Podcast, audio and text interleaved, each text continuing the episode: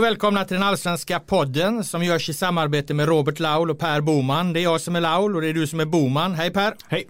Idag ska vi prata om serieledarna Djurgården som marscherar vidare i ensam majestät. Vi ska prata om det mytiska Stockholmsderbyt. Vi ska prata om Malmös matchvecka, om Blåvitts bounce back och om ett allt mer rämnande Östersund. Och vi börjar inte med en spaning för att nu är det så jäkla tätt mellan omgångarna. Det drar ju igång på tisdag igen redan.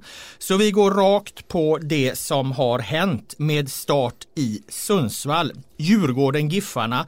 Du var där Boman, Tony Tiger hade inte tankat upp den allsvenska Ferrarin tillräckligt. Nej, det hade han inte. Han hade ju eh, lovat att göra det, att eh, peppa taka upp de här spelarna i någon slags delirium nästan, där de då kämpar hem poäng till Sundsvall. Eh, och eh, mot Örebro så hade man ju sett någon, någon typ av halvlovande liksom, spel där i, i Sundsvall. Men jag tycker att eh, mot Djurgården var de trots allt tillbaka på ruta ett igen. Eh, det blev något tjafs där på presskonferensen mm. efter matchen. Man kan ha det som en liten utgångspunkt. Mm. Eh, att eh, eh, Han tyckte inte att de var Han tyckte att de var väldigt effektiva Djurgården, eh, Tony. Men det höll inte Kim Bergstrand med om eller var det Nej, sammanhanget? Tony var väl på något plan lite nöjd med vissa delar av spelet. Mm. Lite som Joel Cedergren kunde vara ibland också. Han var till exempel väldigt nöjd med hur, hur de hittar in på sina pocketspelare.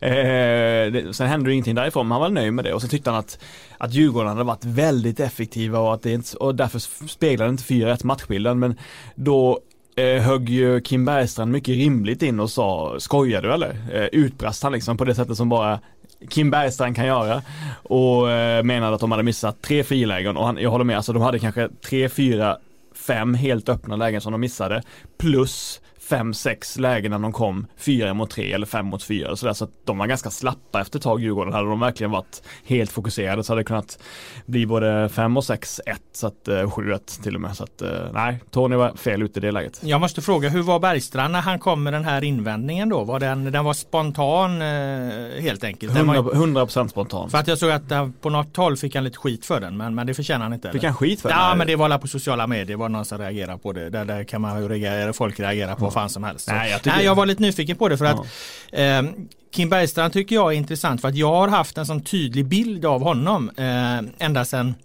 jag en gång var med och, och, och extra tränade med Nacka för många år mm. sedan som jag har berättat om en miljard gånger. Mm. Det som är intressant med det här är att jag bar med mig liksom en bild av att han var en buffel. Och det är han ju inte. Eh, jag har ju helt fått revidera den eh, eh, bilden. Däremot har jag liksom sagt det i flera sammanhang att han är lite så. Sen så träffade han här nu i somras och, och, och, gjorde en, en, eh, en podd med honom och märker att det här är ju en, en beläst och väldigt intelligent person, oerhört eh, snabbtänkt och, och eh, en väldigt skicklig ledare på, på många sätt. Liksom. Mycket, mycket smartare tror jag än han, han framstår. Bildad skulle jag nästan kalla honom, liksom. ett bra språk. och och så, här, så absolut inte den liksom buffen som jag mindes. Alltså det är totalt fel av mig. Sen hörde jag han i, i en podd här, Studio Allsvenskan då jag eh, kommer inte ihåg exakt vad frågan var men, men det var något i stil med, med om det var något han var irriterad på. Det så. Då var det just att han, han kunde säga så att folk kan ha förutfattade meningar om, mm. om honom och sprider myter om honom som är felaktiga. Så jag känner mig faktiskt träffad av det så att jag tog kontakt med honom och sa det att jag är ledsen liksom om jag har spridit en felaktig bild av dig för att mm.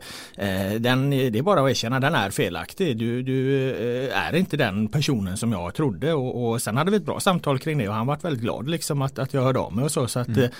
Eh, ibland får man liksom eh, sträcka upp handen och säga fan här var man snett på det och, och, och då kan man den vägen liksom hitta till ett fördjupande samtal. Så att eh, eh, det är intressant när saker och ting utvecklas och går framåt. Absolut, det han kan vara då är ju lite drastiskt då ibland möjligen liksom. och inte på ett dumt sätt utan på ett ganska intressant sätt. Eh, han eh, säger det han tycker i det läget och det var ju sant att Tony G var helt fel ute när han pratade om att Djurgården varit effektiva. Så det är väl bara helt, tycker jag, bra att han är att eh, Kim inte är rädd för vad det kan få, få följder liksom. Nu fick ju de följderna att det blev rubriker på Sportbladet liksom, men så, det kan det väl vara liksom.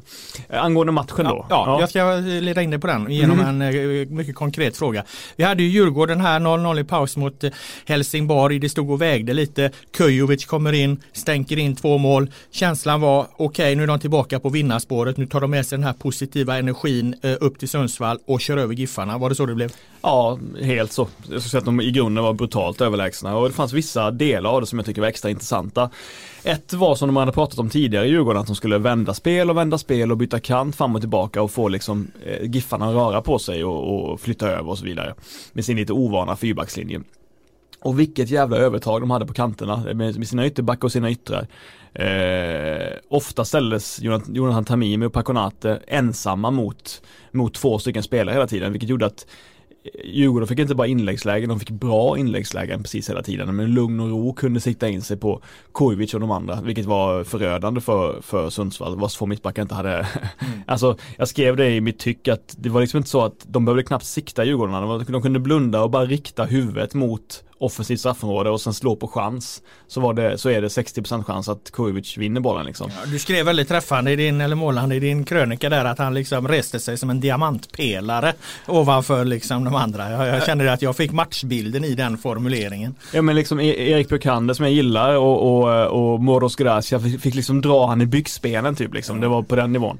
Eh, och så hade han någon sån jätteepisk nickskarv där till Aslak från Vittry som ser, det är skolgårds nickskarv som jag tycker är enkel men vacker på något sätt. Fan nickskarvar ni på eran skolgård? Vi höll oftast eh, bollen längs marken på, på asfalten vill jag minnas. Men det, det är bra, det spelades fin fotboll I Blekinge, i, absolut, i Blekinge på gräsplanen. På, på, skolgårdarna där. Eh, jag har en fråga till och det är om, för jag såg inte den här matchen, förändrades Djurgårdens spel mycket av att man spelade med Kujovic på topp istället för Buya Turay. Jag var lite inne på att det är klart att det var den logiska lösningen. Men hade man velat ha en lösning som skulle eh, få eh, Djurgården att spela så som de har spelat med Buya. Då skulle man ju satt en snabb spelare. Då skulle man ju satt in Bärkroth där. Man skulle satt in Edward Chilufya eller någon, någon liksom löpare. Men nu valde man ju Kujovic vilket var helt väntat. Men då, då tänker jag förändrade spelet på något sätt. Du har pratat om inlägg här. Mm. Fast det har de ju också mm. en hel del. Men har de ännu mer av den varan? Eller? Ja, mer inlägg tycker jag. Men jag tycker ja. de har slått så ganska mycket inlägg även mot Helsingborg till exempel när, när Buya. Nej, jag tycker snarare att de Nej, jag tycker att de spelade på liknande sätt, bara att de fick slå in annorlunda typ av bollar, bollar till sin center. Men jag tycker inte spelet i sig var förändrat. Jag tycker den största förändringen är att Astrid Adrejevic inte spelade.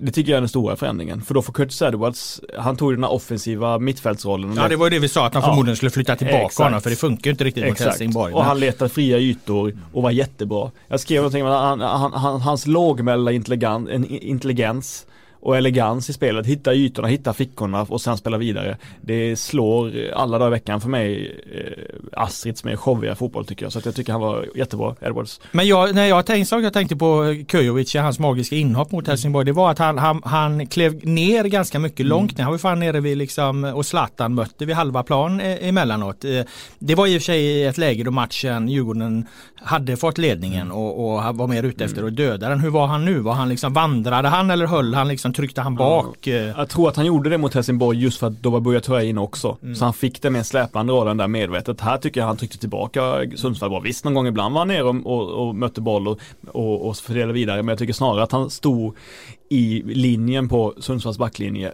sög ner boll och fördelade vidare. Han var, jag tycker inte han var nere och mötte så mycket och det tycker jag var bra. Jag tycker han höll sig där han skulle vara. Startar eh, Kujovic eller börjar Turay ja, mot Falkenberg? Jätte, jättesvårt alltså. Alltså det, vet, man blir, det är lätt att man skriker ut nu. Självklart ska Kujovic starta liksom. Men jag tycker att det vore också orättvist mot Buya Turay säsong. Han har, han har liksom han har, han har på ett oortodox, oortodox sätt fyllt den centerrollen med löpning på, på ett ovanligt sätt. Det är ju sällan man ser den typen av spelare som ensam center i, i ett 4-3-3, eller hur? Det är ju sällan man har en löpare på det sättet. Och jag tycker att han har liksom gjort den rollen till sin egen på ett intressant sätt och på ett skickligt vis.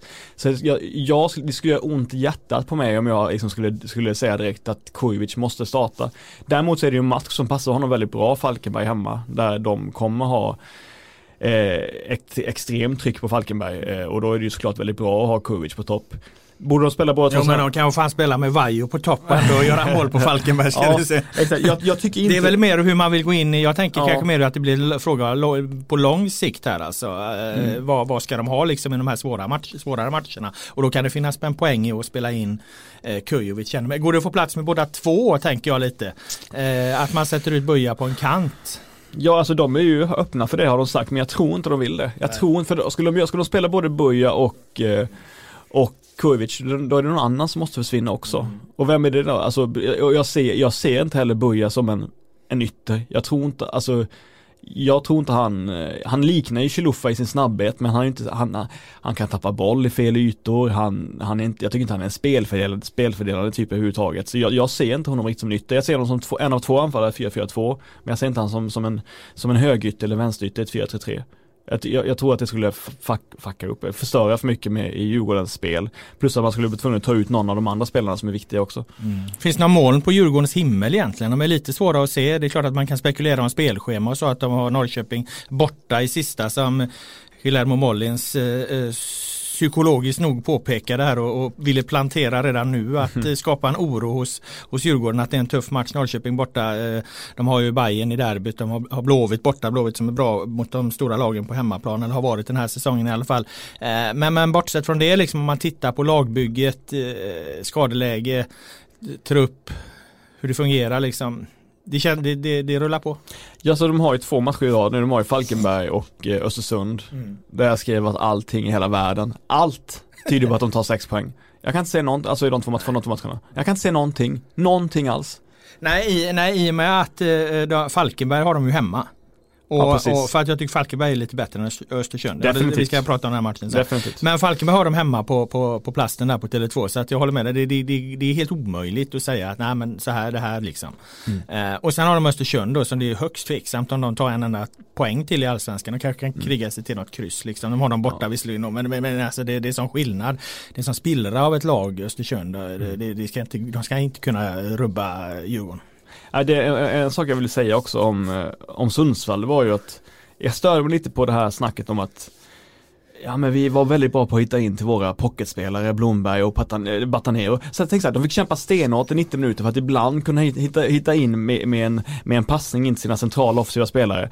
Och därifrån hände det ingenting alls. Alltså jag tycker att det är kosmetika i hög utsträckning. Det betyder, betyder ingenting liksom. Om man kan göra någonting för den positionen sen så gör det ingenting. Om man samtidigt har två yttrar som är extremt offensiva och inte kan försvara, Edari, Edari och han, eh, Rog, inte Rogne, Rui, Rui spanjoren ja. på Per. Eh, och då, eh, som inte hjälper sina ytterbackar överhuvudtaget. Om man, inte kunde, om man inte kan stoppa de delarna alls, då är det skitsamma om man ibland kan, kan hitta in sina offensiva pocketspelare. Så jag, var, jag blev irriterad på Giffarna i den matchen. Det fanns ett uppdämt behov hos dig känner jag att få, få in den här synpunkten. För vi höll på att prata om Djurgården men du ville, ja, ville ja, verkligen ville liksom, det, Tony Tiger har redan skapat de här känslorna hos dig att du stör dig på hans resonemang. Alltså, för jag antar att det är det du hänger upp dig på. Han, ja. har, ju den, han har ju den förmågan att, att eh, ja, eh, säga saker på ett, ett, speciellt sätt som gör att man undrar vad fan pratar karln om. Med det sagt så var han ju noga med att det som gjorde att de till slut förlorade matchen det var duellspelet eh, på egen planhalva. Att man kan inte vinna mot Djurgården om man förlorar alla 50-50 dueller. Men då kanske man inte behöver spela de två yttrarna i den matchen heller. Då kanske man inte kan, man kan inte kan spela 4-3-3 då. Man, kan, man kanske måste hjälpa sina ytterbackar då i den matchen. Alltså, det, det, är ju, det, är ju helt rätt för att det är inte många lag som eh, tar Djurgården i det fysiska spelet. Jag skulle säga att Djurgården är ju det enda laget som, som kan eh, utmana och till och med besegra Malmö FF i, i liksom mm. den, den, fysiska kampen. Mm. Ja. Vi lämnar Djurgården där eh, med den komfortabla 4-1 segern mot eh, GIF, Sundsvall, GIF Sundsvall och eh, kastar oss över eh, Stockholmsderbyt som ju spelades i söndags. Här. Det extrema Stockholmsderbyt skulle jag säga, Hammarby-AIK. Och jag ser någonstans det som två berättelser om den här allsvenskan i en och samma match. Alltså det här Hammarby som eh, gör något jag tror att vi kommer prata väldigt länge om oavsett egentligen hur, hur det, vilken placering de slutar på här. De har satt sådana avtryck i den här allsvenskan med sitt med sin, liksom, med sin, den målmaskin de är, den offensiva fotbollen de spelar. Och sen har hela tiden funnits det här då, eh, kan de, kan de göra det här mot de bättre lagen, mot de bästa lagen? De har inte riktigt kunnat ändå under våren, under sommaren, men det har ju ändå varit en, en stigande utvecklingskurva på Hammarby skulle jag säga i takt med att de har fått tillbaka en målvakt, de har fått bättre mittbackar, eh, de har fått liksom defensiven att fungera. Det har gjort deras offensiv ännu bättre egentligen. Och nu hade de IFK Göteborg som är ett topp 7-lag som har gjort det bra och kör över dem totalt. Och så möter de då AIK som ju är det, den mest poängvin, har den mest poängvinnande defensiven i allsvenskan. Även om de inte har släppt in minst antal mål längre så, så är de ju ändå det mest utpräglade defensiva topplaget. Och så ställs då de här skolorna mot varandra. Och jag tycker ju att ja, den slutar 2-1 den här matchen. Men det är mer, eh, det var ju Billborn som sa det såklart, han, han, att det är ju närmre ett tredje mål för Hammarby än att det är ett andra för AIK egentligen. Det är liksom känslan i den här matchen. Jag tycker att man, man har fog för att säga att Hammarby på många sätt kör över AIK. Ja, jag håller med till eh, 100 procent och jag var väldigt imponerad av eh, Hammarbys sätt att kliva på AIK. Alltså de var, inte, de var inte brända alls av tidigare erfarenheter. Eh, man kan ju tänka sig att de då kanske vill Mm, de har ju kört tidigare eh, och misslyckats. Då kan man tänka sig att de kanske vill hitta något annat sätt. För jag hörde, att, jag hörde lite från AIK-håll så här, vad ska Hammarby göra den här gången egentligen? De kan ju inte fortsätta på samma sätt, då kommer det gå åt helvete liksom, hörde jag liksom från AIK-lägret, från anonym röst därifrån liksom. Eh, men det de gjorde var att de skruvade bara upp det ännu mer. Eh, vad, vad, säger du om den mentala styrkan att våga göra det?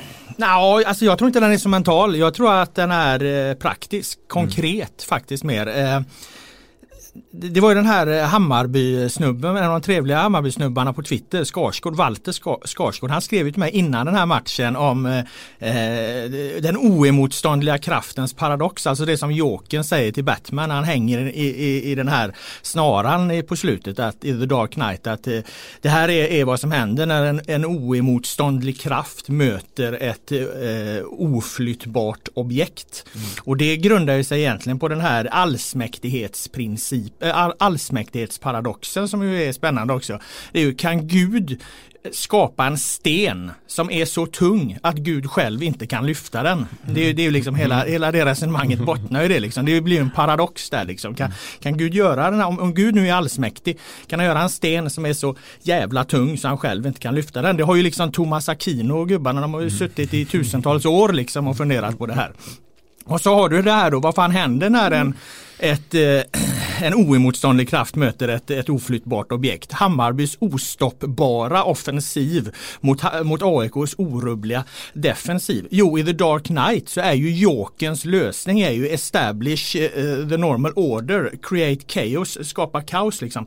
Rubba allting, gör något helt annorlunda. Och vad händer när Hammarby har bollen en bit in i första halvlek? Jo, istället för att Bojanic kryper ner i sin vänster, eh, vänsteryta där framför backlinjen, ja då kommer Men Jeppe Andersen in där. AIK är ju beredda på att, han ska, på att de därifrån ska söka eh, passningen i innekorridor på Tankovic att han kommer in där och så får du kedjelöpningen i djupled. Men det är ju inte vad som händer utan de bryter ju mönster. Jeppe Andersson skickar ju en lång boll på, mot andra kanten och där har du Rodic liksom med ett års uppdämd soapbar-energi som liksom Rasmus Lindqvist studsar ju undan i duellen. Mets inte i närheten att hinna in. Linnér är långt ifrån att nå bollen liksom och så är det 1-0 och så är det det här liksom firandet då som som jag tycker är korkat och, och jag, jag, tycker det är så jävla onödigt att hetsa mot publiken alltså. Men ja, Nej, jag tycker bara det helt enkelt. Så att jag menar, de, de, de skapar ju kaos liksom. Och det där var, det var ju intressant för det där är ju planerat. Han, han, han tog ju förra derbyt på Tele2 som exempel, Billborn efteråt. Att där stod de liksom och letade, letade, letade efter luckan liksom på att eh, AIK skulle flytta sig, komma upp position. Men det orubbliga objektet AIK gör inte det. De faller liksom inte ur position. Ifall du inte gör något helt annat, något som bryter mönster så tvingar de att agera. Liksom. Mm. Så att skitsamma, skicka in bollen, se vad som händer. Skapar vi 15-5% chanser som man uttrycker det, ja då gör vi förr eller senare mål. Och det där hade ju AIK inget vapen på. Så att det, det, de gjorde som Jokern, de skapade kaos. Hur handlingsförlamade såg AIK ut i den första halvleken skulle du säga? Nej men alltså totalt, vi satt ju på, mm. på vi satt ju på pressläktaren och sa det, vad fan är AIKs idé när de har mm. bollen? Mm. hur har de tänkt skapa målchanser på egen kraft i den här matchen? Jag tror de har, de, vi kan säga att de har två målchanser i, i första halvlek. Det ena är eh, Obasi som bryter, eh, Hammarby spelar fel på egen planhalva, Obasi bryter, gör ett par fina dribblingar, får ut den till Lundström som mm. sätter ett inlägg och så Bahoui en bra nick som fänger, räddar på mållinjen. Ja, det kunde bli ett mål där. Det är bra prestationer, individuella, av Obasi av Lundström slår ett fint inlägg och av Bahoui som löper in i straffområdet. Det är så fotbollslag gör mål, absolut. Men det är på motståndarens misstag. Mm. Eh, sen har de en frispark som är en tveksam frispark när, när eh, Magyar fäller Goitom i en omställning. Mm. Som är en omställning och så. Men utöver det så är det, och det här är också en berättelse om allsvenskan. Det är för mig en gåta att AIK som har haft en säsong som egentligen har flutit på. De har gjort de värvningar de uppenbarligen har velat. De har inte tappat några tunga pjäser vare sig i skador eller försäljningar under den här säsongen. De har kunnat spela med i princip samma lag. De har en anfallsarmada som kanske är den starkaste i allsvenskan. Men de är totalt handlingsförlamade i sitt offensiva spel väldigt ofta. Mm. De, de verkar inte ha några kollektiva eh, anfallsidéer som de kan falla tillbaka på utan det är hela tiden individuella eh, eh prestationer. Man pratar om att Malmö inte har en spelidé. Det tycker jag Malmö har. De, är det något lag som saknar en offensiv spelidé? AIK har en jättebra defensiv spelidé men något lag som saknar en offensiv spelidé i, i den här allsvenskan så är det AIK och det är en gåta att de inte har kommit längre. Jag förstår inte att de inte har kommit längre. Nej, alltså jag var ju kritisk, väldigt kritisk redan förra veckan nu mot Häcken eh, och undrade vad var tanken liksom.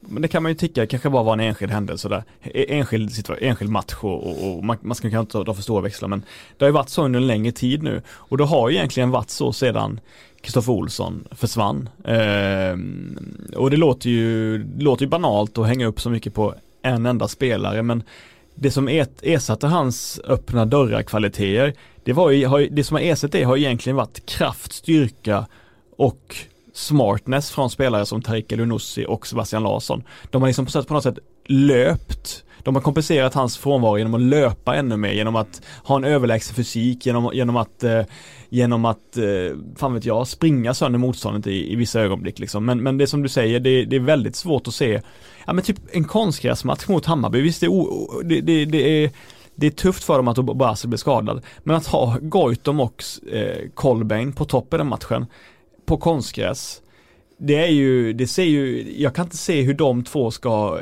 alltså det, det är eh, en värdelös situation för de två anfallarna liksom. Och sen dessutom Nabil Bahoui som, som pocketspelare då, det, det jag inte tycker han passar alls. Jag tycker han gör det rätt bra utifrån sina förutsättningar. Men jag tror inte att Norlin ville spela han där egentligen. Jag tror att det var någonting som han, han var tvungen att starta honom eh, på något sätt av rent internpolitiska skäl. Han kan inte starta honom som anfallare för att Goitom och Basi var bra. Eh, han måste göra det på mittfältet. Men det gör ju sin tur att, att Saletso inte spelar vilket han borde göra och jag tycker att sånt som Nabbe, han, när han ska vara mittfältare i Erika Norlins lag, så sitter han och funderar 50% av tiden på om han står rätt i, i pressspelet, om han är rätt i positionsspelet, täcker jag rätt ytor. Är det inte helt enkelt så att många av AIKs spelare får fokusera en alldeles för stor kraft på att ligga rätt i de defensiva positionerna liksom? Jo, jo, det är ju klart att det är en poäng, men när du säger att han spelar eh, Nabbe för att han mm. är tvungen att göra det, var tvungen för vilk eller för vad? Eller vad är... Jag tänker att det är internpolitiskt liksom att han är så pass bra Nabil Bahoui att det går inte att hålla honom vid sidan liksom. Så trots att han egentligen inte passar bra i den mittfältsrollen, tycker inte jag. För att det skapar en obalans i laget eller i föreningen ja, det... eller från fansen eller? Vad? Nej, i laget skulle jag säga att, ja. alltså, jag, tror, alltså, jag tror inte han är en, gnällig person Bahoui. Jag tror bara att det går inte att hålla honom utanför Nej. för mycket. Och att de har för många anfalls, de har för många anfallsalternativ och för få offensiva mittfältsalternativ. Så därför får han spela där liksom. Men det är ju så att, alltså AIK-spel, det är okej okay, så länge de tar poäng. Då, då, kan man inte säga någonting. Men den dagen de slutar ta poäng, då faller ju allt liksom. Då, då, då masken försvinner ju. Det, då, då, får man bara se liksom det där hemska skelettet på, på, på andra sidan. Jag, jag tycker att det är det är, sen så visst, de är fortfarande tre poäng före Hammarby och de kan fortfarande vinna SM-guld men, men eh, det, ja, ja, alltså, det, alltså, det, ja. det blir viktigt att tillägga här nu när ja. vi slaktar AIK. Det är ju deras defensiv vi slaktar. Jag är fortfarande ja. djupt imponerad i många stycken av, eller deras, förlåt, det är deras offensiv vi slaktar här. Mm. Jag är fortfarande djupt imponerad av, av deras defensiva styrka i, mm. eh, i många lägen liksom. Och de manövrerade ju ut eh, Djurgården till exempel. De, eh, mm. Malmö hade de kryss hemma mot och de ska möta Malmö borta igen. Så att jag menar de, de, de har ju manövrerat ut lag med sin defensiva skicklighet på ett väldigt imponerande sätt. Så att jag menar det ska man inte ta ifrån Nej. dem någonting. Alltså, och det är ju en otroligt viktig del och det, det, det kan som du säger, ja vad fan, det är klart att det, det kan leda till en, hög placering. Mm. Eh, den här defensiva skickligheten de har. Men det är ändå en gåta att de inte har kommit längre eh, på sin offensiva resa. Och det som var just intressant med den här matchen då, det var ju då att eh, nu mötte de ju seriens bästa offensiv. Mm. Och då, då, då, då räckte inte detta. Nej. För att Hammarby var för bra. Det är ju egentligen den, den, den enkla slutsatsen efter, efter matchen är ju att Hammarby är klart bättre. Mm. Det, det, det är egentligen inte så jävla mycket mer att, att dividera. Sen finns det många intressanta situationer, händelser, detaljer i själva matchen. Men, men det, slutintrycket är ju att Hammarby är just nu ett klart bättre fotbollslag än vad, vad, vad AIK är. Även om AIK har några poäng fler i tabellen. Men eh, och en annan grej, det är liksom att AIKs mittfält har ju ingen möjlighet att kontrollera bollen och vila med bollen vid något tillfälle förutom när Goitom går ner och hjälper till längre ner liksom. Mm. Och jag är besviken på en sån spelare som Ado som jag tycker då brukar vara, han brukar vara en sån spelare som har det, ja, en så låg vilopuls men det går inte ens att uppfatta den liksom. Han blir aldrig stressad. Jag har sett honom möta Real Madrid med Malmö liksom och, och ser ut som han mötte, fan vet jag, Helsing eh, Ramlösa eller någonting. Han var precis lika lugn.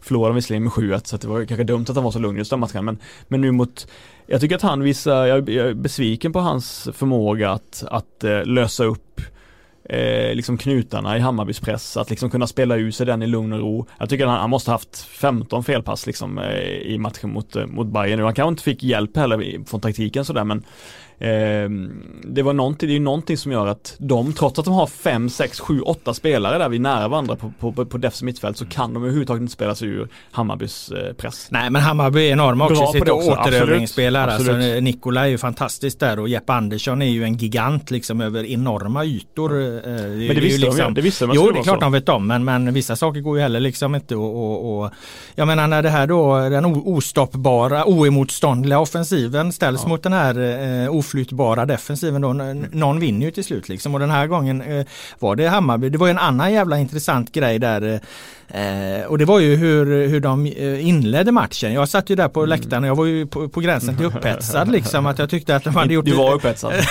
de hade gjort det så jävla snyggt med startelvan. Att, att man visste inte hur fan de skulle starta. Mm. Eh, eftersom de hade dribblat då med positionerna trodde jag eh, på, på det här startelvspappret som går ut till mm. media och även går ut till det andra laget då, i det här fallet AIK.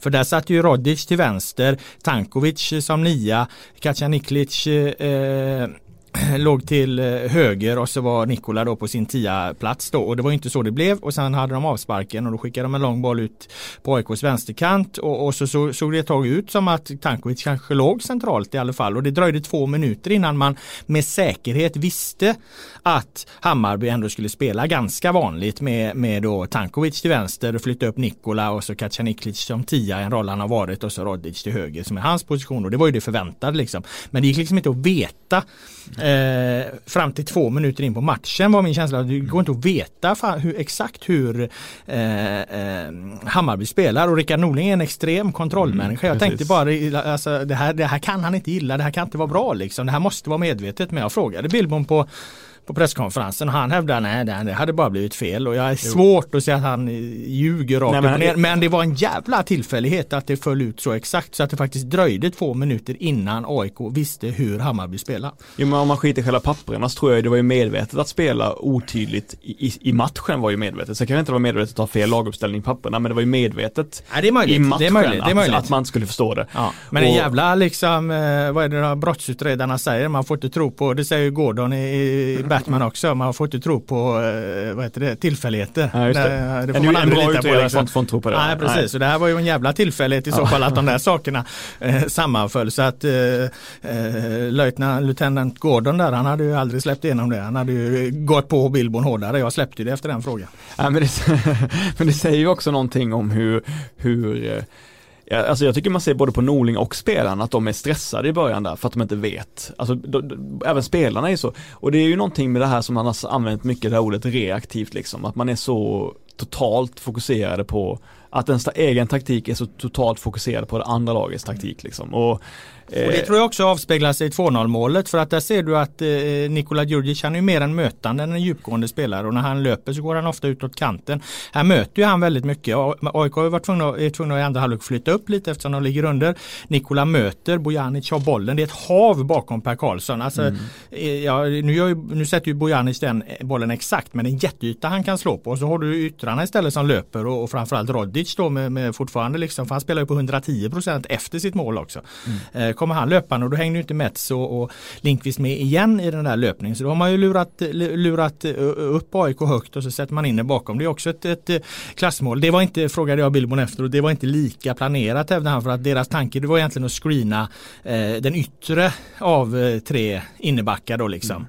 För att då har du längre löpning på, på Karlsson om han ska eh, falla. Nu, men däremot att de skulle hela tiden komma med de här djupledslöpningarna som de gör väldigt mycket. Det handlar ju också om det där att skapa kaos, att tvinga AIK att ta beslut hela tiden. Det är ju svårt att skapa ett djupledshot mot AIK eftersom de ligger så lågt. Men Hammarby lyckades ju göra det även när det stod 0-0, vilket också är väldigt skickligt. En grej man inte får glömma heller det är ju att om man kollar på AIK-Djurgårdsmatchen där vi, då var ju AIK väldigt bra på att låsa fast bollen med Goitom på topp till exempel. Eh, väldigt bra på att låsa fast bollen gentemot eh, Danielsson och Une Larsson och därifrån spela vidare. Hur många gånger lyckades Goitom med det mot Hammarby, mot Hammarbys mittbackar, mot Magyar och, eh, och Fenger? I princip inte alls är du. Nej, de, alltså, de, fick, de fick du varken vila med bollen nej. i backlinjen, fick inte vila med bollen på mittfältet. De fick inte ens vila, vila med bollen någon gång på topp liksom med att, i att Sigthorsson eller, eller Goitom som är jävligt starka spelare på konstgräset här vi, och mot, med dem i ryggen så hade inte de en suck på att låsa fast bollen och spela vidare. De hann ju inte med det helt enkelt. Och när man inte ens, och de är ju helt lika spelare också, Goitom och eh, på det sättet de vill spela när de möter boll liksom. Och Sigthorsson. Och inte en enda djupledsspelare det blev ju jävligt, det blev ju tacksamt läge för, för Hammarbys mittbackar men jag tycker att de var väldigt, väldigt starka uppe Ja det är klart, de slapp ju vända sig om. De ja, slapp ju springa bakåt liksom men, och det är ju så man alltid vill få. Men jag ska säga en grej till innan mm. vi stänger den här matchen eh, som vi pratat länge om nu. Det var, jag plockade upp det ordet du sa att AIK var stressade i början. Eh, AIK var ju också jävligt stressade i slutet. Ja. Eh, och, och, det var något som när jag snackade med Bilbon efteråt så eh, noterade han, eller reagerade han på att när de har sin forcering eh, som ju är logisk att den kommer eftersom det står 2-1 och den här lilla osäkerheten kan smyga sig in och det är åtta tilläggsminuter eftersom det, det var rök och skit där då. Eh, då är det alltså det, det, är en av de tre mittbackarna hela tiden som sätter eh, eh inspelet när de lyfter den långa bollen. Det är oftast Mets men det, det, kan också vara från andra kanten. Det kan vara från Per, per Karlsson och de får liksom ingen vinkel på det. Billborn menar på hade AIK haft lite tålamod rullat runt och sökt liksom få ut bollen mer på kanten och, och, och, komma in med den så hade de där inspelen blivit mycket farliga, farligare.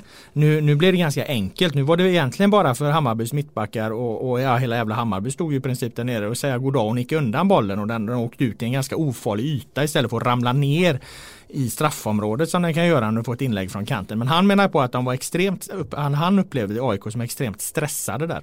Mm. Och det är klart att eh, de jagar ju och så men, men eh, Eh, ett riktigt bra lag har ju, vet ju i det läget att ett tålamod lönar sig och att det är bättre att söka liksom den bättre inspelspositionen än att bara skicka iväg den på chans. Visst, det, kanske, det får du göra när det är 30 sekunder kvar men, men, men när det är 8-10 minuter kvar. Så. Eh, och en sista fråga då mm. till dig an, an, angående AIK. Spelare som Teike Lunossi, Sebastian Larsson, Henok Goitom eh, och så vidare. Hur eh, länge köper de det här spelsättet om det inte blir resultat? Tror du? Ja, hur länge är det kvar av allsvenskan? Ja. ja jag tror inte det är så mycket svårare än så.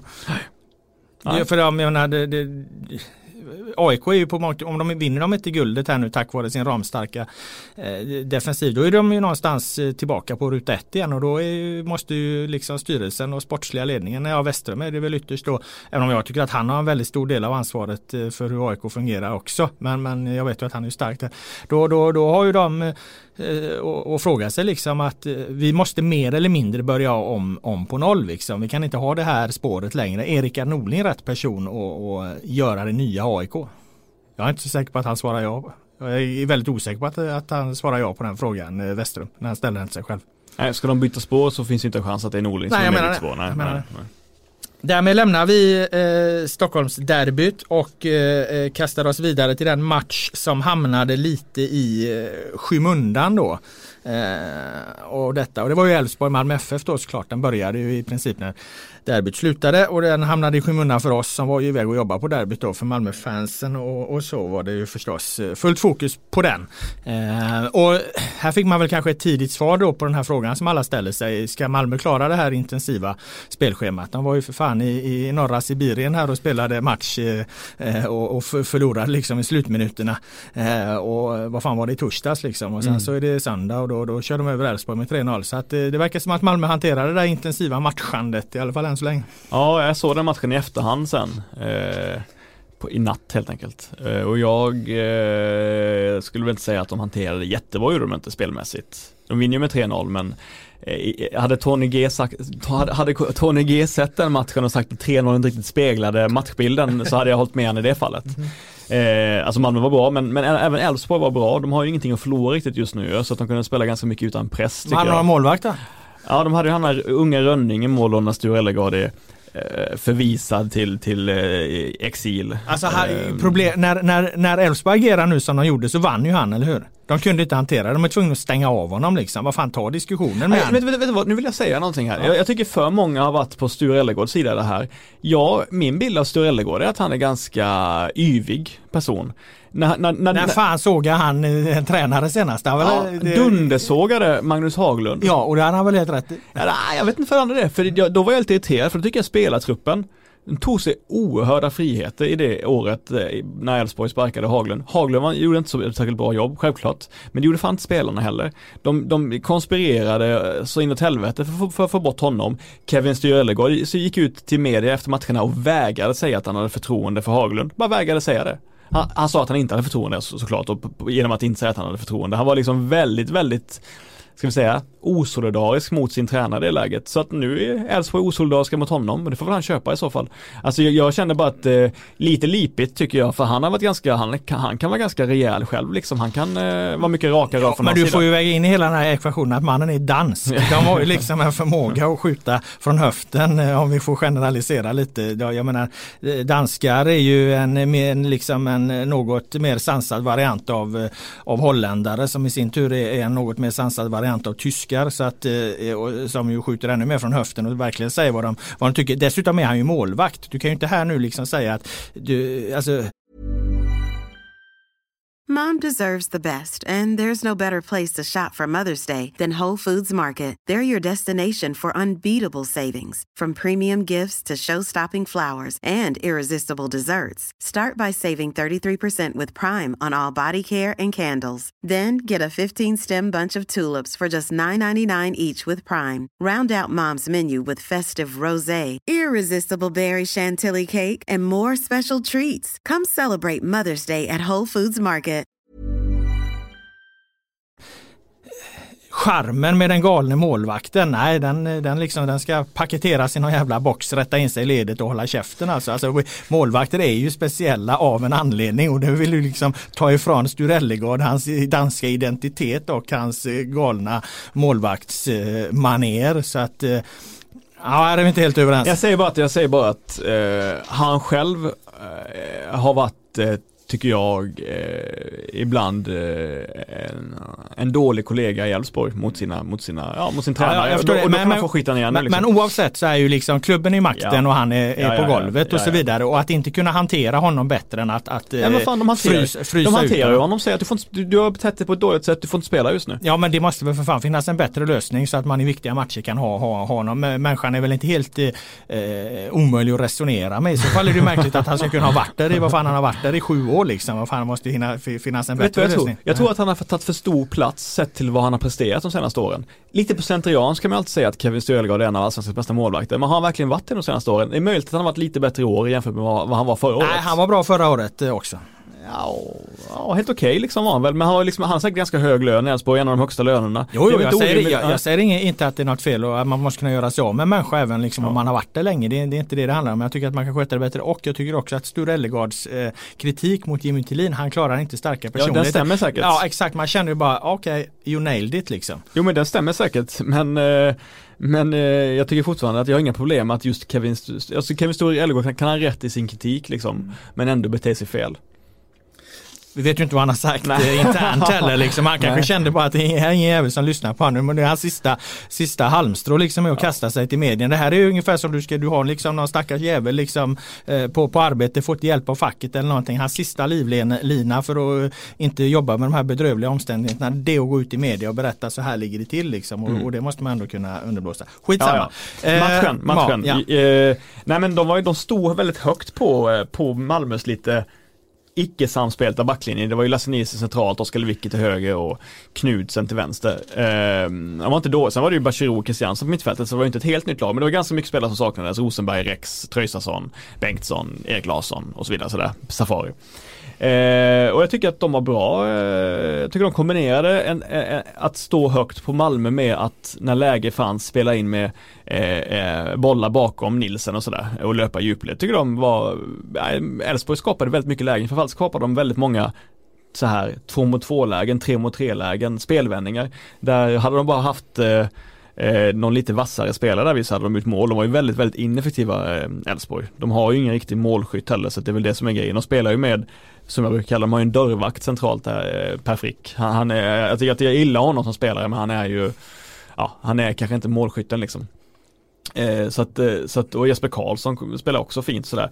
Alltså med det sagt så skapade Malmö också jättemycket lägen i första halvleken men, men jag upplever bara att Elfsborg skapade mer än vad jag hade trott och på så sätt eh, ändå störde Malmö. Malmö hade i och för sig ganska många bra besked av de spelarna som inte spelas ofta, förutom från Romain Gall då som var riktigt, eh, riktigt jävla dålig. Var Mollins?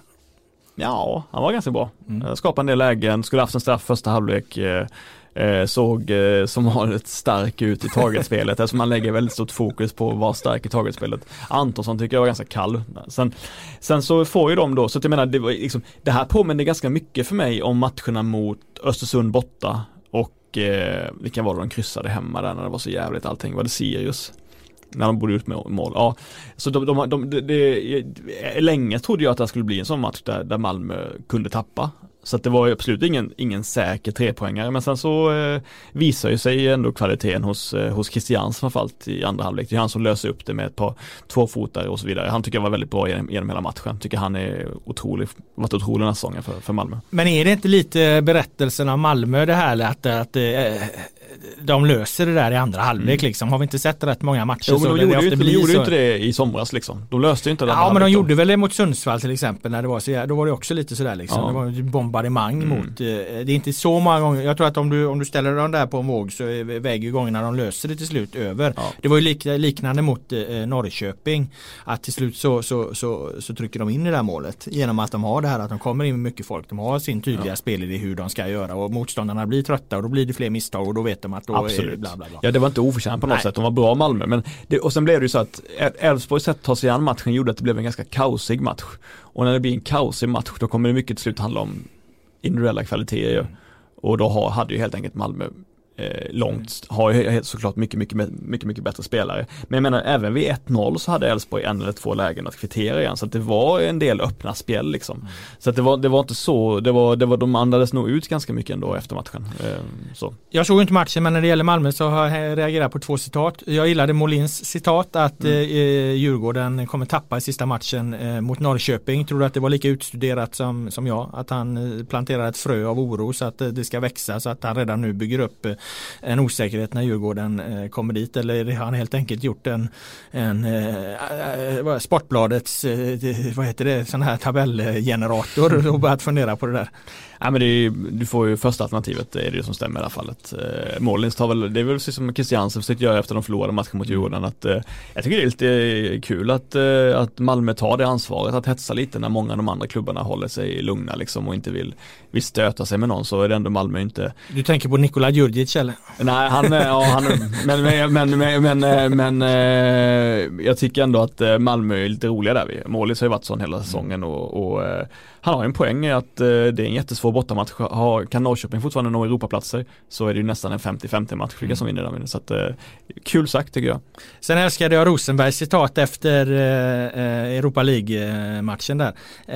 när Malmö när lilla Malmö kommer hit så har vi ingen fördel av domarna längre. Och det är ju, det, det, det är ju en, ett faktum att det är de mindre klubbarna som hela tiden missgynnas av domarna och det satte ju eh, Rosenberg fokus på. Här kommer Malmö mot, mot Dynamo Kiev och, och de liksom, ja då har de inte lika mycket eh, som de har i allsvenskan. Han känner väl det liksom att de är ett storlag i allsvenskan. De har sin publik och så de får mer med sig. Precis som AIK får mer med sig, precis som Hammarby får mer med, med sig, precis som Djurgården får mer med sig, precis som IFK Göteborg får mer med sig. De här lagen med de stora publik, eh, stora hemmapubliken, stora bortaföljerna och så vidare och så vidare. Det är ju liksom belagt med forskning att det är det som påverkar. Så att eh, det var uppfriskande glädjande att han eh, bekräftade det rakt upp och ner Rosenberg.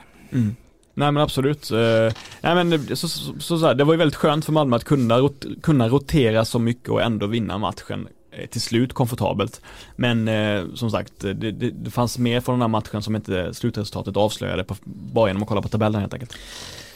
Nu tackar vi för att du satte strålkastarljuset på, på de delarna och går över till eh, vårt fjärde ämne här och det är ju då IFK Göteborg som studsade tillbaka efter den tunga 2-6 förlusten mot Hammarby genom att vinna eh, hemma mot Sirius även om det då kanske inte var någon jätterekyl direkt. Nej, eh, jag, har in, jag har inte sett en ruta från den här matchen. Mm. Eh, så du får gärna... Eh, Ska jag leda dig igenom den? Absolut. eh, no, alltså den, den, den snabba och, och, enkla och överskådliga förklaringen är ju att eh, Blåvitt gör en jättefin första halvlek känner sig väldigt bekväma med, med sin 2-0 ledning som de då har. Eh, kommer ut eh, till andra halvlek och ett par tre spelare kvar inne i omklädningsrummet så att eh, Sirius eh, redus, reducerar ju mm. Kebasise kommer upp emellan eh, Söder och, och Wernersson på, på en inläggsfrispark. Eh, och nickar in bollen där, där liksom även Anesti ser passiv ut då. Och, och jag menar då är det ju 2-1 och, och, då är det ju match igen. En, det spelar ingen roll vilka lag som möts så är ju en, en, en, en ettmåls, en uddamålsledning är ju alltid eh, bräcklig. Jag tyckte ändå att det kändes ganska bekvämt. Eh, jag upplevde, jag såg den här matchen från tvn och jag upplevde inte att det var någon panik bland spelarna. Det kändes som att spelarna kände att fan vi har kontroll på det men det spelar ingen roll. En boll kan ju liksom studsa snett och, och, och så blir det ett mål ändå. Men, men, men känslan liksom när man, man betraktar det här det var att Blåvitt hade kontroll på det. Den, den, den var, var, ganska komfortabel ändå den här eh, uddamålssegern. Men, men det är ju roligt för det finns ju en speciell historia mellan Blåvitt och Sirius mm. just. Alltså båda matcherna förra året mm. eh, ledde ju Blåvitt med 2-0 och Sirius vände till 3-2. Båda två. Det är ju mm. ganska extremt. Nu var det 2-0 och så blir det 2-1. Och då tänker ju vi som tittar på i alla fall. Oj då. Men jag tror inte spelarna, de, de, det var fan ju knappt en gubbe kvar för det första från liksom 2018 i Blåvitts lag. Så att ja, de, de tänkte uppenbarligen inte på, på det sättet. Sen var det väldigt roligt. Den roligaste sekvensen var egentligen, du har inte sett den heller då? Mm. Det måste jag berätta för dig. Det var andra halvlek så kommer bollen ut på högerkanten på Aiesh. Och Aiesh han liksom, ja men sular den bakåt liksom, backar lite och står liksom och trippar dansar så här mm. liksom som den typen av spelare kan latcha lite och han gör det mot eh, Niklas Busch Thor då. Så står han där och hoppar och dansar och joxar och, och latchar lite och så, så rycker han liksom bara och Busch drar han i tröjan. Eh, Busch Thor drar han i tröjan men han hinner ändå liksom inte med och han kommer förbi honom. Det var liksom en, en jävligt rolig sekvens i, i den här matchen. Är det precis som den gången när Matti Mutumba höll på med Är det när nej, Bahoui jävlades med Eminori i Kalmar? Kommer du ihåg det? Ja, Eminori blev galen och sparkade ner honom. Ja det var inte på den nivån. Det var heller inte på den nivån när Kjellander, kommer du ihåg den här dribblingssekvensen från, det är från Ja, ja Magnus Kjellander nere ja, vid ja, kortlinjen. Ja, ja, när han, när han dri dribblar en halv minut ja. och sen gör ju mål till slut. Ja, jag minns att jag var när jag kollade, när jag minns att det blev ju årets mål. Ja, ja, ja. Det men det var ju... Alltså, han håller ju bollen i 45 sekunder. Eller Exakt, men jag tror inte han gör en enda liksom sådär vanlig dribbling i det. Ja, det är Messi-dribblingar. Messi ja. såg väl den sekvensen. Det är bara riktningsförändringar hela tiden och det... bollen tätt vid fötterna. Någon slags motläggsfint är det väl, är det inte det? Det vet fan. Ja, men det var kul. Du ner Kjellander, ja, men det var kul att du fick upp honom. Eh, nej men så att det var väl en ganska, en ganska eh, bekväm seger ändå för Blåvitt eh, som sagt. Och det de vinner matchen på är, jag tycker att de har, de har ju nu ett lag som kan spela en ganska varierad anfallsfotboll. De har Sana i den här rollen, jag tycker Sana var bästa eh, Blåvitt-spelare. Han hittar, han hittar öppnande passningar, han hittar även djupledslöpningar nu. Han gör mm. sina mål på, på två inlägg egentligen, eller ett inlägg och ett inspel. Då. Första är ju ett inlägg från Viktor Wernersson som var bra. Mm. Eh, fel fot dessutom, tror jag han vänder ju om liksom och skickar in den med, med, med högen där. Och, och Vibe gör en liten riktningsförändringsfint så, så Keba Ceesay är på väg bort mot hörnflaggan. Så dyker han upp eh, och kan peta in bollen. Och sen är det då den här Eh, djupledslöpningen är mot eh, kortlinje av, av, av Sana. Så återigen då Wernersson som har flyttat över och, och, spelar ner den och så sätter han in den och där är Robin Söder först på bollen. Så att det, de staplar en rad bra sekvenser ovanpå varandra i, i ett par olika eh, anfall. Så att det var tydliga eh, fotbollsmål, absolut inga liksom som kommer välta Youtube eller så men, men, men bra, normal, eh, varierad eh, anfallsfotboll. det som var intressant var ju att Sebastian Eriksson fick ju spela högerback då för när Toko var borta. Det låter ju sjukt på förhand. Ja, men han spelade, det var roligt. För de gillar ju att experimentera Blåvitt och spelar mm. ibland med det här flytande med att de flyttar ner en, en mittfältare så att de mm. växlar liksom mellan trebackslinje och fyrbackslinje. Nu spelar de med Sebastian Eriksson som inverterad högerback. Eh, jag vet inte om de som såg matchen tänkte på det men när han när Blåvitt anfaller då går han inte upp längs kanten utan mm. han går upp som en central innermittfältare.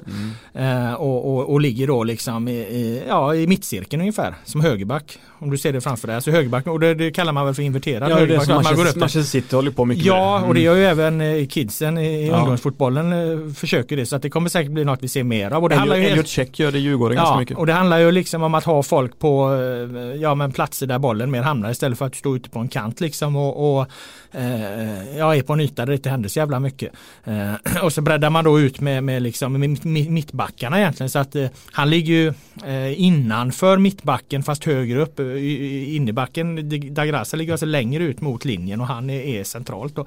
Sen faller han ju ner hem igen då i fyrbackslinjen när de försvarar. Men, eh, så det var väl en, en intressant eh, taktisk detalj som de eh, gjorde eftersom de då spelade hand där liksom. Då tar man ju nytta av hans egenskaper på ett annat sätt. Så att det, det är klart, det var ju också intressant att se. Men det jag tycker är imponerande med Blåvitt i år också, det är ju mm. att de inte någon gång har haft en längre svacka under säsongen. De har inte någon gång eh, förlorat två matcher i rad till exempel. Utan eh, konstant och lyckats upprätthålla en, en hög nivå över hela säsongen. Det måste du ändå vara imponerad av. Ja, nu har de ju ett läge där de eh, riskerar att göra det då. De har ju, är det nu mm. AIK, mm. Häcken, Malmö, Djurgården är väl deras fyra nästa matcher så att nu får de ju då Um, ja, det är ju AIK, Häcken, Malmö, Djurgården, Elfsborg, och Östersund. Ja, det är jättetufft ju. Ja, det är ju de fyra där framförallt. Det är ja. ju väldigt, väldigt tuffa. Elfsborg är alltid tuffa matcher för, för Blåvitt också med tanke på den eh, situationen där då. Så att eh, däremot tycker jag det är intressant eh, det här hur, hur om vi skiter i mitt tips som alla vill ta upp och skiter mm. i liksom de allmänna stämningarna som var runt IFK Göteborg inför säsongen och tittar på det som brukar styra fotboll ekonomi är ju alltid det överlägset tyngsta, åtminstone över tid. Sen kan det diffa enskilda år. Men eh, jag läste ju Osynlig Handens, eh, han är ju duktig som fan den. Eh, läste ju hans redogörelse här för vad de hade för personalkostnader 2019 inför den här säsongen. Han har ju tagit fram det, det är väl inte helt fastställt än, det är lite svårt att veta det. Men, men eh, utifrån budgetar och så vidare så, så är de ju sjua i den ekono ekonomitabellen. Och allsvenskan är ju egentligen med några få undantag uppställd utifrån ekonomi just nu. Eh, de ligger ju på de placeringar, eh, inte exakt i toppen givetvis, men, men det är mycket, mycket överensstämmer. Djurgården är ju inte före Malmö och, och AIK givetvis ekonomiskt, så där har du en diff. Men till exempel att Blåvitt är sjua då, det är, det är, eh, de är sexa i tabellen, de är sjua i den ekonomiska tabellen. Så att egentligen är liksom inte eh, prestationen är inte så eh, så oerhört överraskande egentligen utifrån de ekonomiska sambanden. Sen är den ju överraskande utifrån hur IFK Göteborg, var de kom ifrån, hur de såg ut eh, under försäsongen. Och det som i hela den här ekvationen blir allra mest centralt det är ju den oerhört offensiva budget de ändå la eh, för att kunna göra ett nollresultat utan spelarförsäljningar. Mm. Så jämfört med fjolåret så saknades ju omkring 30 miljoner. De var alltså i ett enormt akut behov av att sälja spelare. Så att även om de hade gjort den här fina prestationen och de inte hade sålt Benjamin Nygren till exempel mm. då hade de fortfarande varit i ett otroligt utsatt ekonomiskt läge. Då hade de haft en, en, en regelrätt jag ska inte dra det till Östersundskris men i alla fall uppe och nosa på en ekonomi som hade varit så utsatt. Så att bort, man lägger undan de här fina prestationerna och så, så är det den här Nygren-affären har räddat fruktansvärt mycket för IFK Göteborg. För att annars hade de gått in i ett, ett, ett ekonomiskt krisläge. Men då är den, följ, den självklara, självklara följdfrågan är ju då var det oansvarigt av, av Blåvitt att gå in i säsongen på det sättet? Alltså jag tycker att Blåvitt har chansat väldigt mycket de senaste åren på många olika sätt och en del av de här chansningarna har varit jävligt nära att gå åt helvete. Mm. Eh, det var ju mycket det min kritik mot Poja handlade om förra året. Han, han höll fast, höll fast, höll fast vid, vid, vid, vid, sin idé istället för att dra i handbromsen. Vilket man till slut då gjorde när de lyfte upp folk, eh, Stiller och det här liksom och sparkade gren och hela den härvan där. Eh, inför matchen mot Brommapojkarna. Man drog i handbromsen väldigt sent. Jag tyckte det var en chansning. Ja, det är klart att det här också var en chansning. Nu vet ju inte jag vad Max Markusson visste eh, om försäljningen av Nygren. Men jag tycker inte att när Blåvitt lägger sin budget här i början av året det är, ju möjligt att de såg och visste någonting vi inte visste, men att de var så säkra på att vi kommer sälja den här killen. Eh, å andra sidan, han kan ju dra korsbandet mm. i match två mm. och då blir det ju ändå ingen affär. Mm. Så att svaret, det korta svaret på din fråga, ja det var en, en, eh, en, en enorm chansning som vi hade suttit och tyckt var helt oansvarig om till exempel Nygren hade dratt korsbandet gång men, två. Ja, men det pratade också alla om inför säsongen att det var ja, en chansning. Så att, eh, men det är klart, lyckas man med någonting så lyckas man med någonting. Det är ju svårt att, då är det svårt att... Ja, alltså det går ju inte och det, alltså, det går ju liksom inte att sitta och klaga, klaga på det här nu men, men det visar någonstans, det är, ju, det är ju så fotbollen är liksom. Mm. Och man får ju förhålla sig till utfallet av det. Mm. Men i långa loppet så är det klart att då, då är det lurigt att, att, att chansa. För när mm. det går fel kan du få enorma konsekvenser. Jag menar det tydligaste exemplet är ju Östersund. Mm. Du ser ju var de befinner sig nu. Att befinna sig där när de befinner sig nu det är ju inte ja, de kanske tycker det var värt de där eh, Europaåren där uppe liksom. Men, men, eh, när jag tittar på det med objektiva ögon eh, här nerifrån så, så kan inte jag fatta hur man, eh, hur man kan vilja liksom i princip för all framtid kanske riskera hela föreningens existens. Nej, det roliga var att jag tror att de, de största excesserna liksom och det mest slösaktiga beteendet tror jag var år, egentligen efter Europa League. Alltså det var ju egentligen ja. då, liksom, då det borde bromsat liksom. Mm. Så det, men eh, å andra sidan, det var sista grejen om Blåvitt, jag håller med dig om att liksom, ekonomin styr det mesta. Men de hade ju, de hade ju också förmodligen den sjunde största spelarbudgeten 2018 också liksom inför 2018 och då, då kommer de ju 11 liksom så man kan ju underprestera grovt absolut. utifrån ekonomin. Absolut, det kan man absolut göra och, och man kan ja, överprestera utifrån exakt. ekonomin också.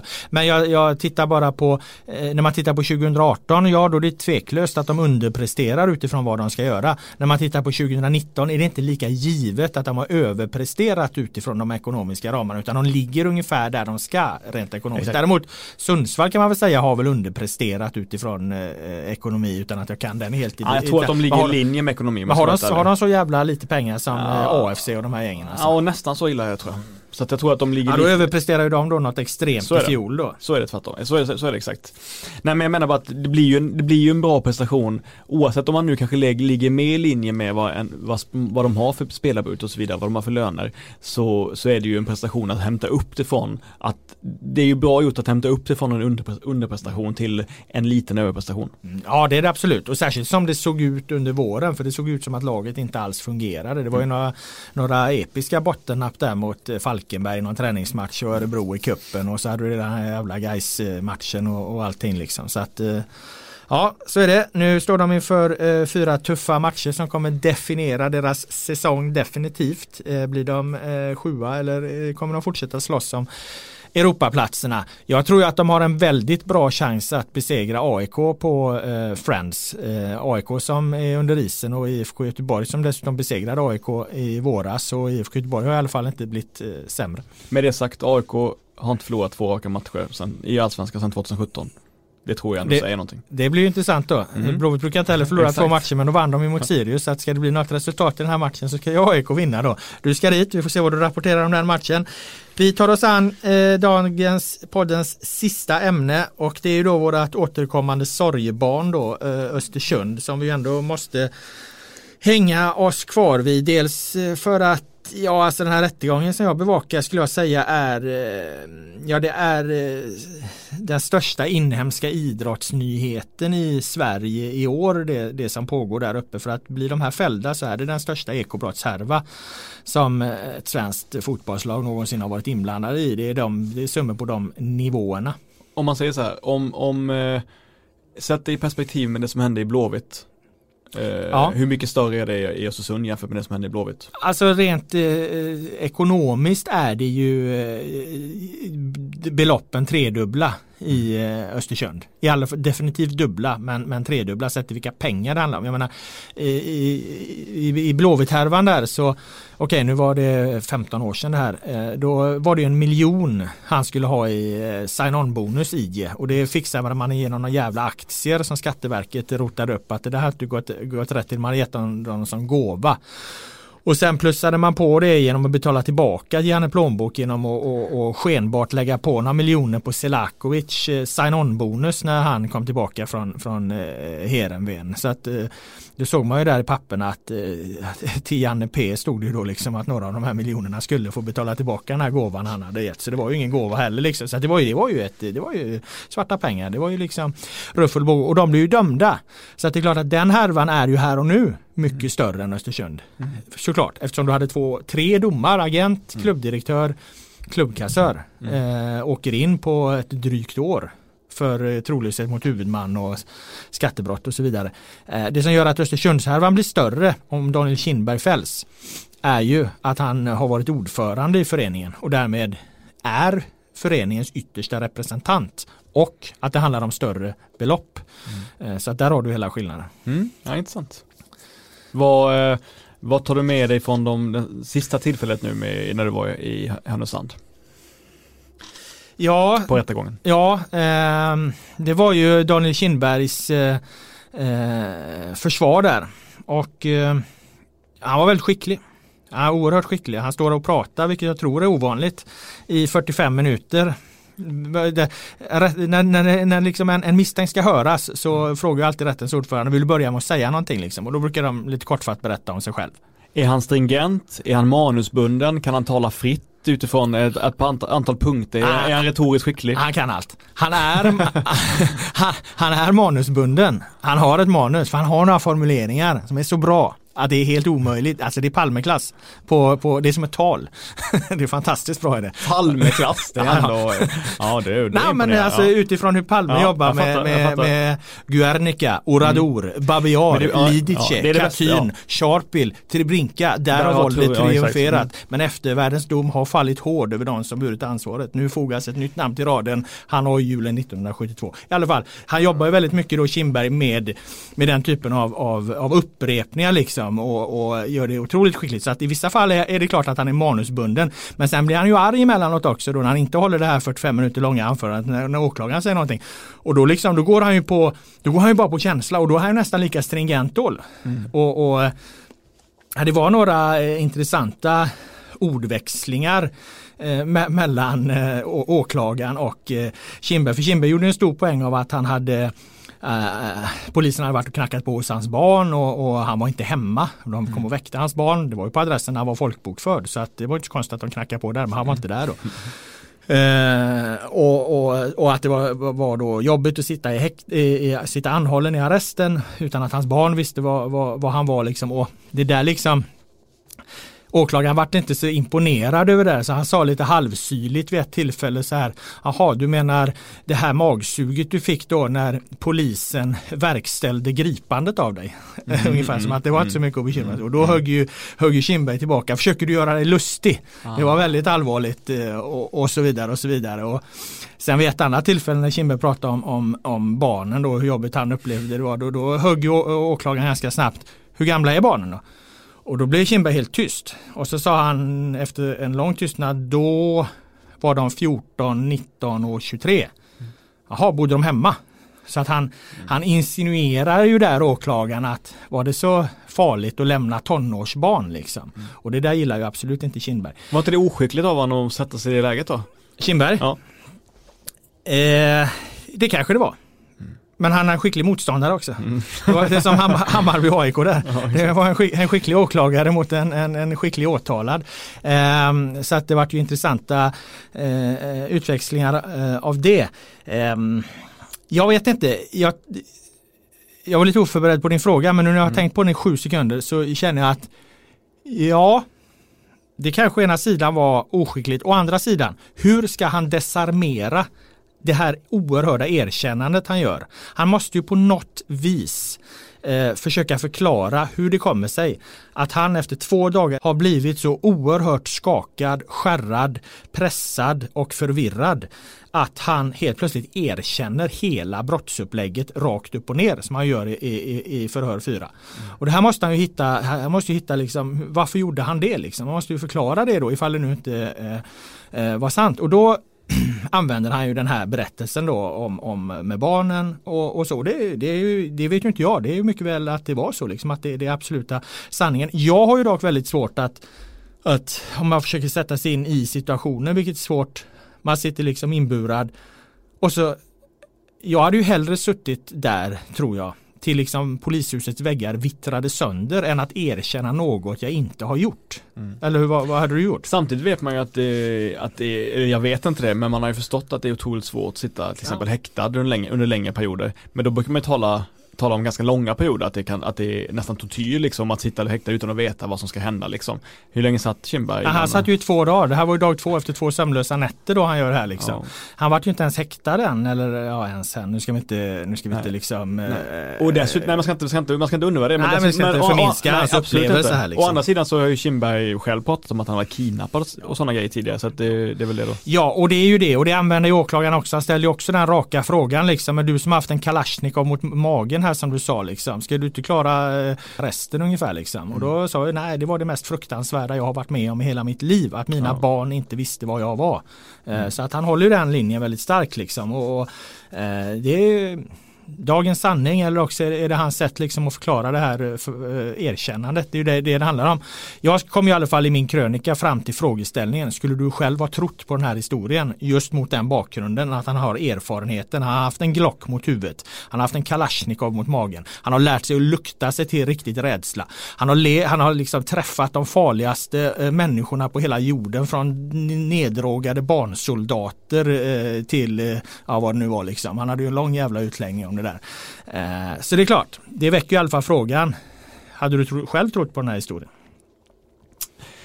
Uh, oj då, om jag hade trott på det. Nej men eh, nej det hade man ju inte på förhand utav då. Eller på, utifrån den informationen som du också lämnar så hade man varit nej. tveksam i alla fall. Ja, samtidigt mm. så som sagt så, så uh, ja, han är skicklig. Mm. Och, och, det är spännande, det är intressant, det är stort. Och eh, rättegången fortsätter ytterligare ett par dagar. Mm. Eh, och eh, det gör ju Östersunds kamp för att undvika ett eh, kvalspel. Men man kan ju säga att eh, kartan, bottenkartan ritades om lite grann här nu när eh, Falkenberg besegrade Östersund med, med 1-0. För nu är det plötsligt bara två poäng som skiljer. Och vi kan väl säga att det är fyra lag som är in, involverade mm. i, det, i det här nu bottenstriden egentligen. Mm. Det är ju eh, Sundsvall, AFC, Falkenberg och Östersund. Ja men vi har ju sagt länge i podden att Östersund är Sveriges sämsta lag, eller allsvenskans sämsta lag sen eh, fan vet jag, juli och framåt i princip. De har verkligen varit det. Mm. Eh, så att, eh, och vi har sagt tidigare att det är mycket möjligt att de tar en enda poäng till. Och det då står jag fast vid. Jag tror faktiskt inte att de kommer ta några fler poäng. Vi följde den här matchen på tv, eh, Falkenberg, eh, mm. Östersund. Mm. Eh, någonstans så i, i den matchen så kan man ju relatera till frustrationen liksom när Tom Pettersson har det här nickläget och Hampus Nilsson av alla jävlar gör en fantomräddning. Hampus Nilsson liksom som har ägnat hösten åt att kasta, eller sensommaren åt att kasta in bollar i egen, egen bur. Och så gör han de här jävla heroiska räddningen på, på hans nick och dessutom på Krons volleyfriläge liksom. Mm. Får han också liksom en fot på. Så han är alltså glad så han står med dottern i tv-intervjun där Hampus Nilsson har gjort den här kanonmatchen. Det var fint, det var kul Ja, det var, det var ju mm. jätte, det, det är såklart. Um, jag ställde ju frågan till Hans Eklund där på en presskonferens, fan har ni ingen bättre? så, och det var ju efter han hade kastat in ett par mot Hammarby då. Uh, och så kastade han in några mot Blåvitt och så har han kastat in ett, ett par till. De har ju klippt ihop en highlights uh, med dåliga sekvenser på Simon. Den var ju plågsam att se. Det var den andra målvakten inblandad ett par också, jag har förstått i efterhand. Så att, Nej, så att eh, fan, vi kanske ska ta med han i omgångens lag här nu, Hampus Nilsson, som en, en ren eh, eh, solidaritetshandling på något vis. Att, att visa att nu har han gjort en jävla match. Jag vet inte vad hade med för, eh, ja, vad heter han, Kalmar var ju som vanligt bra där. Hägg Johansson. Ja, ja, det är han ju för det mesta. Och, på rak arm så kan jag inte riktigt. Ja, det kan bli Hampus eh, Nilsson som faktiskt, får sin första plats faktiskt. i omgångens lag. Det är han ja. Eh, väl värd. Absolut. Eh, nej men sen var det också apropå intervjuer efteråt. Sen så stod ju Tom Pettersson då och lagkaptenen då i, i den här intervjun och det var ju starkt av Tom att ställa upp eh, såklart och han påpekade ju själv det att nu står det börjar bli skämmigt liksom. Nu står han här igen efter ännu en förlust och där var, kunde man också relatera till liksom smärtan av någonstans går igenom och han pratar ju om det utifrån perspektivet att all skit som nu kastas över oss så hade vi velat ge tre poäng till våra supportrar. De hade ett par falkar som var på plats där. Eh, men men fick de inte göra utan istället förlorade de då och drogs ännu mer in i det här. Så att, eh, samtidigt så har jag lite svårt just med, med Tom där eftersom jag vet att han bedriver någon bojkott där mot lokalpressen vilket eh, jag tycker är, är, ganska patetiskt faktiskt. Nej, men jag har ju sagt det tidigare om, om Tom, jag tycker han påminner så otroligt mycket om Marcus Johannesson från 2009. Som jag har sagt i podden tidigare, när Djurgården var nära att åka ur. Och efter varje match stod en svettig och ledsen och hålögd liksom eh, Marcus där i, i, tv och fick liksom berätta att han var stolt över grabbarna och vi kommer kämpa på men han såg helt tillintetgjord ut som människa.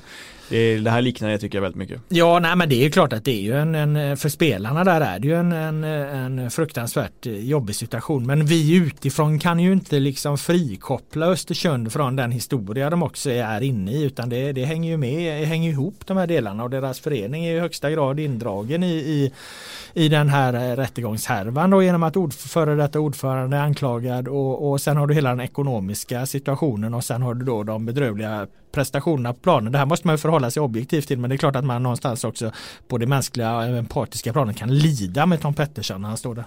Bara, bara för en avslutning om Johannesson-grejen. Kommer du ihåg vad Janne Majlard skrev om Johannesson efter en dålig match från lagkaptenen eh, hösten 2009 när de förlorade mot, eh, mot Hammarby i ett derby? Nej, vad skrev Janne Majlard? Jag känner ingen sympati. Eh, och sen eh, en lång drapa om varför Johannesson förtjänade att spela, var, var på, väg att spela ur i Djurgården, eh, ur allsvenskan. Det var otroligt hårt, lite för hårt får man säga. Ja men du kommer ihåg den? Ja, den, ja, den fastnade. Ja. Eh, ja, hade vi något mer att säga om Falkenberg Östersund Norton Falkenberg kanske ändå förtjänar förutom Hampus Nilsson. Eh, nu lyckades de ju stänga igen där men det var ju som sagt tack vare honom. Det, det är ju ett ihåligt försvar och de ska upp och möta Djurgården och där är ju ingenting som talar för att. Däremot har de AFC kvar Falkenberg och den matchen kan de mycket väl vinna. Då kommer de upp på 22 poäng. Mm. Kommer de upp på 22 poäng då har de ett mer än Östersund så att det blir, kommer nog bli, fan bli en kamp där mellan, mellan eh, Falkenberg och Östersund om den här kvalplatsen. Om inte nu liksom Sundsvall skulle explodera i. De har tre jag tror att de har tre matcher de, de skulle kunna vinna. Då räknar jag in Kalmar borta och det, det, det, är klart att det blir en väldigt svår match för dem. Men sen tror jag de har Sirius. Och så undrar de inte om de hade ja, de har, om de har AFC också. Så att det är klart att det skulle vara en otrolig vändning om de plötsligt plockar tre segrar här på det, på, på det sista. Men då, då lägger de sig också i det där. Ja, nej men i bästa fall kan ju Sundsvall nå ett kval tror jag. De har ju ingen chans att nå, att nå säker mark tror jag inte. Men absolut ett kval, ett kval kan de nå om, om alla stjärnor står rätt. Men som läget är just nu så får man ju tippa på att Falkenberg klarar sig kvar utan kval och Östersund får kvala och att AFC och Giffarna åker ur. Därmed eh, slår vi igen eh, poddbutiken för den här gången. Det blir en lite hastigt inspelad podd. Vi har inte hunnit eh, ta in några läsarfrågor. Det är en ny allsvensk omgång redan imorgon när vi spelar in det här. Djurgården-Falkenberg. Sen rullar det på med fler matcher. Det är Blåvitt, AIK Blåvitt, det är Sirius Hammarby och så vidare och så vidare och så vidare. Jag tackar dig Per Boman för att du kom hit och var här med dina kloka åsikter och synpunkter. Jag tackar alla er som har lyssnat. Allsvenska podden är tillbaka nästa vecka. you